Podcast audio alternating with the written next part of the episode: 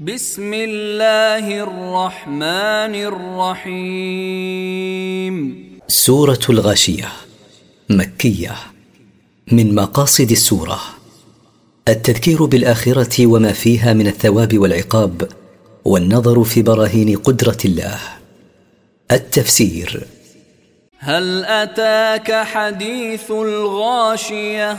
هل أتاك أيها الرسول حديث القيامة التي تغشى الناس بأهوالها؟ وجوه يومئذ خاشعة. فالناس في يوم القيامة إما أشقياء وإما سعداء فوجوه الأشقياء ذليلة خاضعة. عاملة ناصبة. متعبة مجهدة بالسلاسل التي تسحب بها والأغلال التي تغل بها. تصلى نارا حامية. تدخل تلك الوجوه نارا حارة تقاسي حرها. تسقى من عين آنية.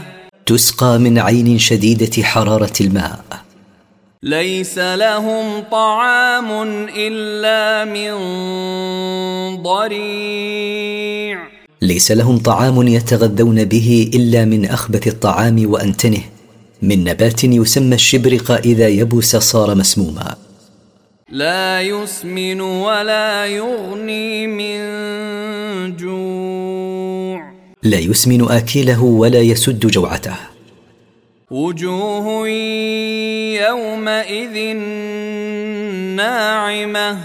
ووجوه السعداء في ذلك اليوم ذات نعمة وبهجة وسرور لما لاقوه من النعيم. لسعيها راضية.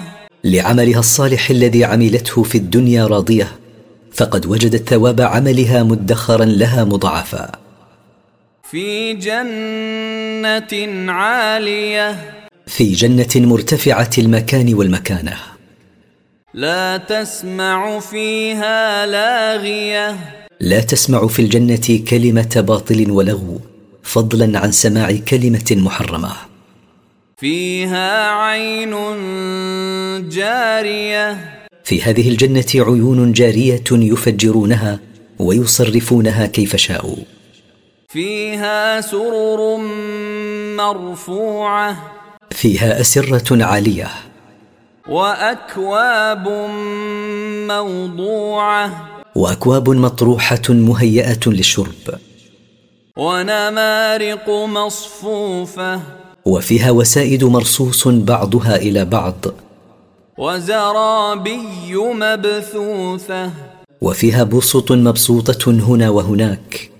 ولما ذكر الله تفاوت أحوال الأشقياء والسعداء في الآخرة وجه أنظار الكفار إلى ما يدلهم على قدرة الخالق وحسن خلقه ليستدلوا بذلك على الإيمان ليدخلوا الجنة فيكونوا من السعداء. فقال افلا ينظرون إلى الابل كيف خلقت؟ افلا ينظرون نظر تامل إلى الابل كيف خلقها الله وسخرها لبني آدم؟ والى السماء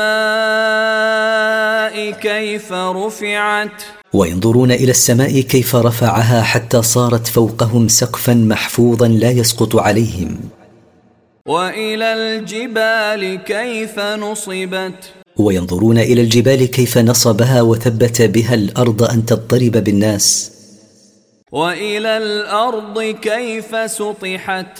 وينظرون إلى الأرض كيف بسطها وجعلها مهيئة لاستقرار الناس عليها. ولما وجههم إلى النظر إلى ما يدل على قدرته تعالى وجه رسوله فقال فذكر إنما أنت مذكر. فاعظ أيها الرسول هؤلاء وخوفهم من عذاب الله. إنما أنت مذكر لا يطلب منك إلا تذكيرهم. وأما توفيقهم للإيمان فهو بيد الله وحده. لست عليهم بمسيطر. لست عليهم مسلطا حتى تكرههم على الإيمان.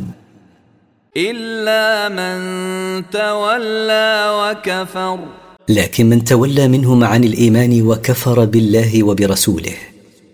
فيعذبه الله العذاب الأكبر. فيعذبه الله يوم القيامة العذاب الأعظم بأن يدخله جهنم خالدا فيها. إن إلينا إيابهم. إن إلينا وحدنا رجوعهم بعد موتهم. ثم إن علينا حسابهم. ثم إن علينا وحدنا حسابهم على أعمالهم وليس لك ولا لأحد غيرك ذلك.